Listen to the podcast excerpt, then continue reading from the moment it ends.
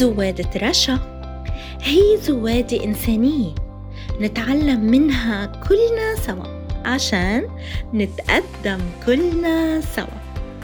تابعوا زوادة رشا بودكاست حركة الشبيبة اليافية وعبر منصات التواصل الاجتماعي Facebook Spotify Podbean Google Apple وصفحتي بودكاست حركة الشبيبة اليافية وصفحة حركة الشبيبة اليافية زوادة رشا تعبتوا من الطب الحديث ومش ملايين فايدة منه؟ بدكم تجربوا الطب البديل؟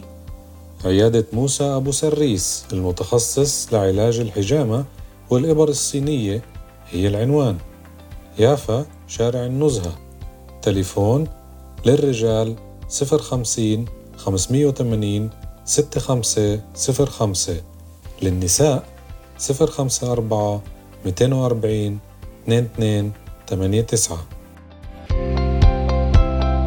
أهلا بكم أعزائي متابعي برنامج زوادة رشا عبر بودكاست حركات الشبيبة اليافية. عنوان زوادتي لليوم الحلفان.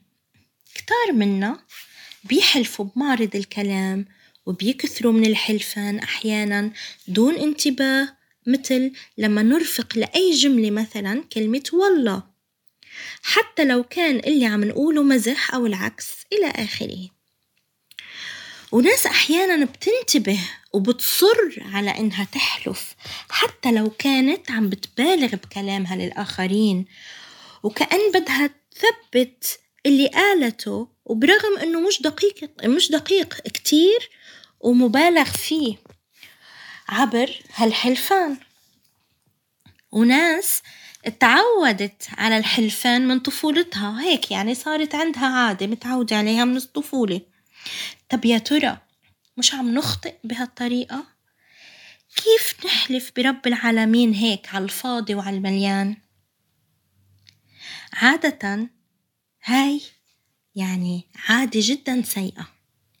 ولازم نسعى بمجتمعنا لنغيرها. وللمعلومة كمان بدراسة نفسية بتقول إنه كتر الحلفان بيعني إنه أحيانا هالشخصية اللي بتكتر من حلفانها مش صادقة كتير. يعني عم تخبي شي ورا هالكترة الحلفان وتغير بكلامها وما في بكلامها وراءه صدق.